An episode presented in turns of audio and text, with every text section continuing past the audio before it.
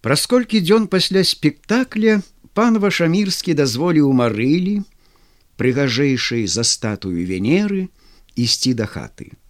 Марылі ўзрадавалася. Пры гэтым прысутнічаў ксёнц марцевич. Яго шэрыя вочы бліснулі, Ён строга замахаў на яе пальцамі і сказаў урачыстым голасам: « Не радуйся дабраце пана, табе грэх радавацца. Ты грала на сцэне святую матку боску, ты увасабляла яе цудадзейны вобраз. У твае грэшныя вусны былі ўкладзены яе светлыя словы. Калі на шляху сустрэнеш вялікія пакуты, Дык памятай, што пакуты цела гояць душу. Ты павінна дзякаваць пану за тое, што выконвала ў палацы слаўную ролю свентай маці. Адмаўляйся ад сваіх бацькоў, ды лепш ідзі ў ціхі манастыр. Я падрыхтую цябе пастамі, малітвамі, ды споведдзю. Я буду тваім духоўным айцом ксёнц марцевич вільготна маслянымі вачыма аглядаў прыгажуню. Дзяўчына пабляднела опусціла вочы і шэптам сказала я хочу да бацькоў ідзі гневна сказаў ксёнц але памятай памятай что ты перад панамі грала святую марылю не грашы Было яснае сонечнае надвор'е, калі марылька ішла да хаты бацькоў. Яна не ведала, што робіцца дома. Пад яе нагамі скрыпеў снег, дарога блішчэла шліфаваным срэбрам. На парозе маленькай хаткі яе сустрэў бацька каспар. Рукі і твар былі ў яго абматаны анучамі, толькі вочы блішчэлі. Дачушка! абрадаваўся бацька, марылечка! І раптам бацька заплакаў. Чаго плачаш? спалохалася марылька. Хадзем, хадзем у хату, раскажу, А дзе маці? Раскажу, Я вось руки і твар адмарозіў па панскай ласцы. У хаце марылька аб усім даведалася. Бацька ўсё расказаў. Дык чаго ж ты? Чаго ж ты так рагочаш? Устрывожыўся бацька, радавацца няма чаго. Марылька слова не сказала, рагатала цэлы дзень, не магла стрымаць свайго смеху. Калі змарылася, павалілася вобземлю, ды ўсё рагатала, трымалася за бакі ды рагатала, глядзела на людзей непрытомнымі вачыма, ды рагатала, рагатала. Змоўкла толькі тады, калі на яе вылілі вядро сцюдзёнай вады. Пасля рогату на яе напаў вялікі смутак.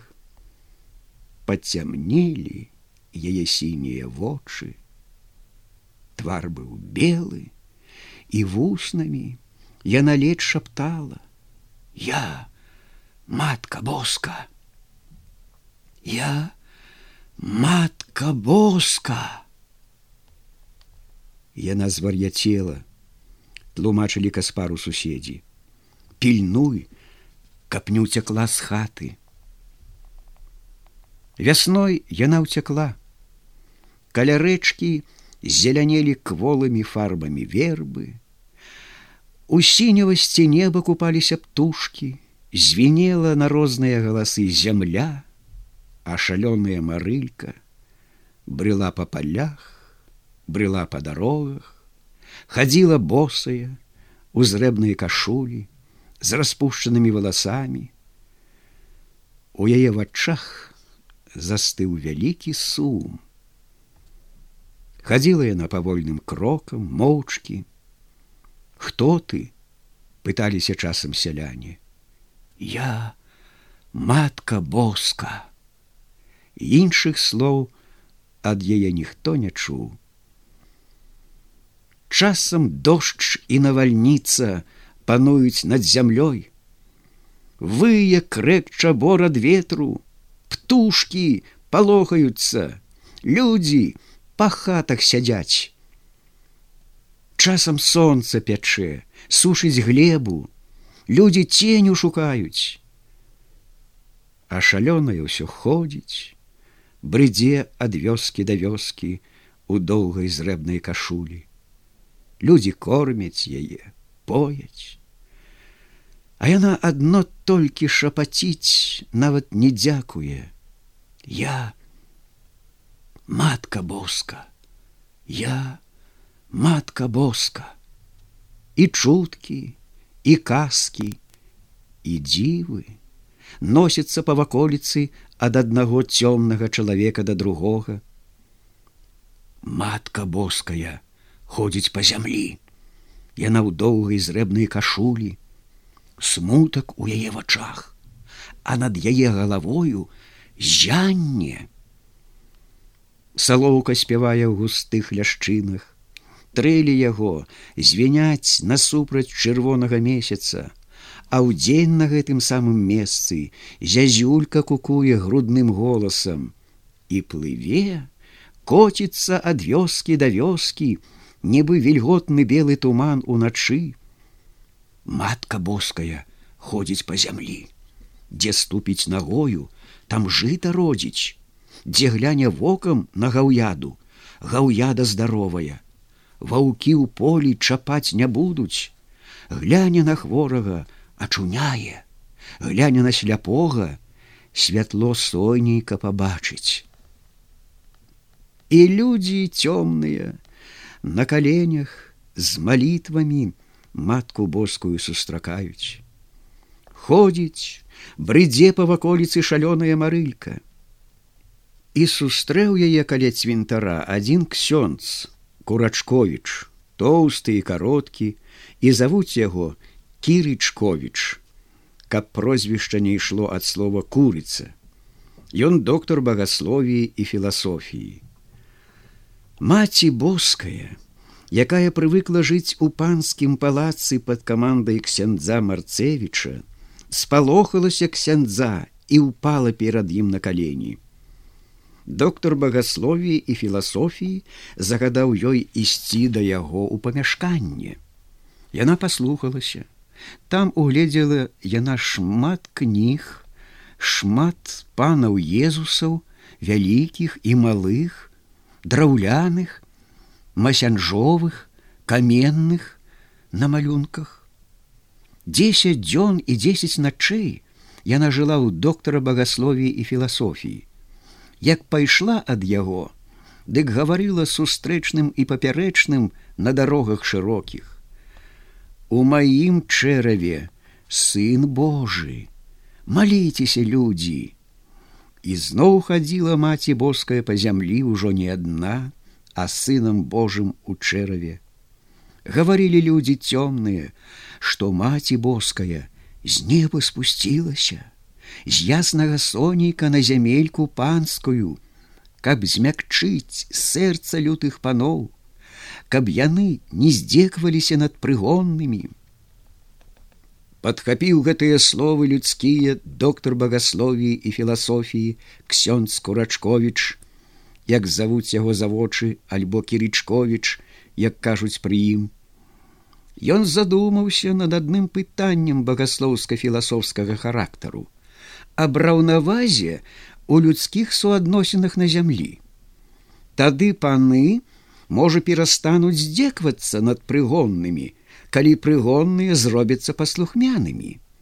Паслухмянства чалавек набывае пра страх Божы. Страх Божы павінен сеяць між людзьмі, Ён доктор багасловіі і філасофіі. Ён у другі раз залабуніў да сябе матку боску. Десять дзён і дзесяць начэй звар'яцелая марылька знаходзілася ў пакоях курачковіча. Слухала там ягоныя святыя словы. Пасля гэтага народ бачыў яе ў касцёле. Кроў Езуса. Яна паказвалася перад народам у залатых рызах, у бліскучай кароне, Бровы яе былі падмазаны грымам, роўныя, доўгія. Твар яе быў пакрыты бяліламі. Ва ўсё яе постаці прыкметнымі былі сум, пакора, набожнасць, рахманасць і мудрасць райская. На гэта быў вялікі майстар грыміроўшчык з тэатра пана вашамірскага. Жывая матка боская, здавалася, толькі што сышла святого абраза. Яна маўчала, глядзела на народ, не мігала вачыма, не рухала руками і нагамі. Доктор багасловіі і філасофіі гаварыў казанні перад народам пра боскую славу, пра пакуту на зямлі, пра пакору перад панамі, якім пан Бух аддаў люд паспаліты пад апеку. Яшчэ шмат аб чым гаварыў ён з багасловіі і філасофіі. Народ падаў на калені, маліўся, плакаў і не ведаў, што яшчэ рабіць трэба. Тады доктор багасловіі і філасофіі тлумачыў, што яшчэ трэба трэба ўтрымаць святы касцёл кроў Езуса. На гэта патрэбны людскія падаянні ахвяры. Шчыра даюць паны на Божы храм, але паноў мала, люду паспалітага многа, а люд мала дае ахвяр, гэта вялікі грэх. Прыйдзі сюды, пакалечаны целам, і калецтва тваё загоіцца. Прыйдзі сюды пакалечаны духам і дух ачысціцца ад пошасцей помыслаў злых ад учынкаў ганебных. Калі пан твой цябе крыўдзіць памятай што на тым свеце ён за гэта будзе пакараны панам над усімі панамі а пакрыўджаны панам на зямлі будзе ўзнагароджаны на небе панам над усімі панамі толькі супраціўляцца пану няможна, бо тады будзе ліха і на гэтым і на тым свеце амен. Амен казала пры гэтым у голос і матка боская. Праславіўся па ўсёй ваколіцы касцёл кроў Езуса. На багамолле сюды хадзілі з блізкіх і далёкіх месц розныя людзі. Прывозілі хворых дзяцей, старых, розных кручаных і сапсаваных людзей. І доктар багасловіі і філасофіі парады даваў. У каго няма грошай, можна абкруціць тры разы хворага палатном, а пасля кінуць гэтае палатно перад нагамі маткі боскай. У каго няма палатна, можа зважыць хворага, пасля чаго такой вагі, збожжа даць на карысць крыві Езуса.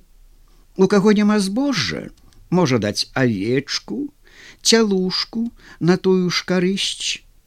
У каго такой жыўнасці няма, можа прынесці сыру, масла, мёду, воску. Голас ксяндза курачковіча быў салодкі як мёд, і пранікаў у сэрцы парафіян, нібы святы меч анёла. Бліскучы ланцужок яго казання ў стылі, калі няма чаго, можна чаго іншага, цягнуўся доўга-доўга ад касцёла кроў Езуса да бетлеема. Святая Марыля часта паўтарала слова Амен. Яна прывыкла да сваёй ролі, пакруглела ў твары, кроў Езуса, ёй пайшла на карысць. Полюбіла матка боска гэты касцёл, а багасловія і філасофія раслаў ксяндза курачковіча як вінаградны сад под пільным наглядам кемнага вінаградара. Паказам гэтаму быў святы жывот ксяндза. І меў ён благословенне за такое боскае выхаванне парафіян ад самога біскупа. А біскуп меў пахвалу за такога ксяндза ад самога папы рымскага. Тым часам каспар, бацька марылі, абмотваў анучамі руки, па кавалачках, па суставах, адпадалі пальцы, якія ён адмарозіў, дзякуючы лютаму панскаму войту. Твар у яго лупіўся, быў заўсёды чырвонага колеру, нібы голае аблупленае мяса. Вочы гнаіцца пачалі, вечна слязіліся, і было непрыемна на яго глядзець не тое, што шляхетнаму чалавеку, але нават самому простаму прыгоннаму. За грахі свае, грахі вялікія, Каспар мае такі ганебны выгляд, пусціў нехта пагалоску. Каспар грашыў супраць святой Марыі.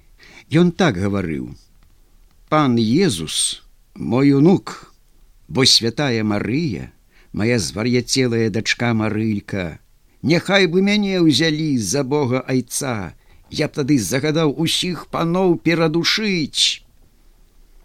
Словы гэтыя былі такія страшныя, ажно людзі баяліся данесці аб гэтым да вушэй пана вашамірскага. Тым часам доктор багасловіі і філасофіі любіў карміцца не толькі багасловіяй і філасофіяй, але і ахвяраваннямі людскімі, якія прыносілі багамольцы ў касцёл кроў Езуса. Пры гэтым ён быў вельмі шчодры, частаваў сваіх бліжніх сытнай ядою, Не ўсіх бліжніх карміў ён, бо тады абяднеў бы касцёл кроў Езуса. З усіх бліжніх ён выбраў самага лепшага матку боскую. Аднаго разу матка боская наелася пшанічных бліноў, праз меру напілася касцельнага віна. Пры набажэнстве, калі сотні васковых свечак гарэлі ў касцёле, нібы зоркі ў чыстым небе, калі сотні вачэй багамольцаў позіркамі ўпіваліся ў жывыя вочы маткі боскай. Яны заўважылі ў яе вачах вясёлы бляск. Павесялела матка боская, радаваліся людзі, глядзеце, Яна нам жаўтаўліва падміргвае, благадаць Божая на нас зыходзіць раптам пачала прысядаць матка боская і нават ляскаць у далоні і прытопваць нагамі. І людзі пачулі словы новыя маткі боскай у залатых рызах і бліскучай кароне. Тралля-ля, тралюлю, як сандзюліка люблю. Захацелася матцы боска яшчэ спяваць але рогат багамольцаў спыніў яе. Яна апамяталася пад жудасным позіркам зальдзянелых вачэй доктара багасловіі і філасофіі ды ўцякла за святы амвон у цень каменных ніж. Гэта ж каспарова марылька рагаталі багамойцы. Рогат даходзіў да скляпення касцёла кроў Езуса, прабіў скляпенне і залунаў у самае неба ад пана над усімі панамі. Здавалася, што васковыя свечкі усміхаліся дзясяткамі мігатлівых агеньчыкаў. Здавалася, што святыя на абразах жартаўліва паглядалі на людзей грэшных. Не смяяўся адзін толькі доктар багасловіі і філасофіі. Ён пачырванеў, пабляднеў, яшчэ раз пачырванеў і яшчэ раз пабляднеў і спыніў чытанні святого Евангелля на паўслове. І пасля гэтага матка боская была выгнана з касцёла кроў Езуса. Яе зноў прытулілі людзі па вёсках, кармілі яе, паілі, але ранейшага страху перад ёю у іх не было. Людзі з ёю жарты заводзілі, гутаркі простыя. А яна рыхтавалася да новага цуду. Ужо колькі месяцаў носіць у сваім чэраве сына Божага.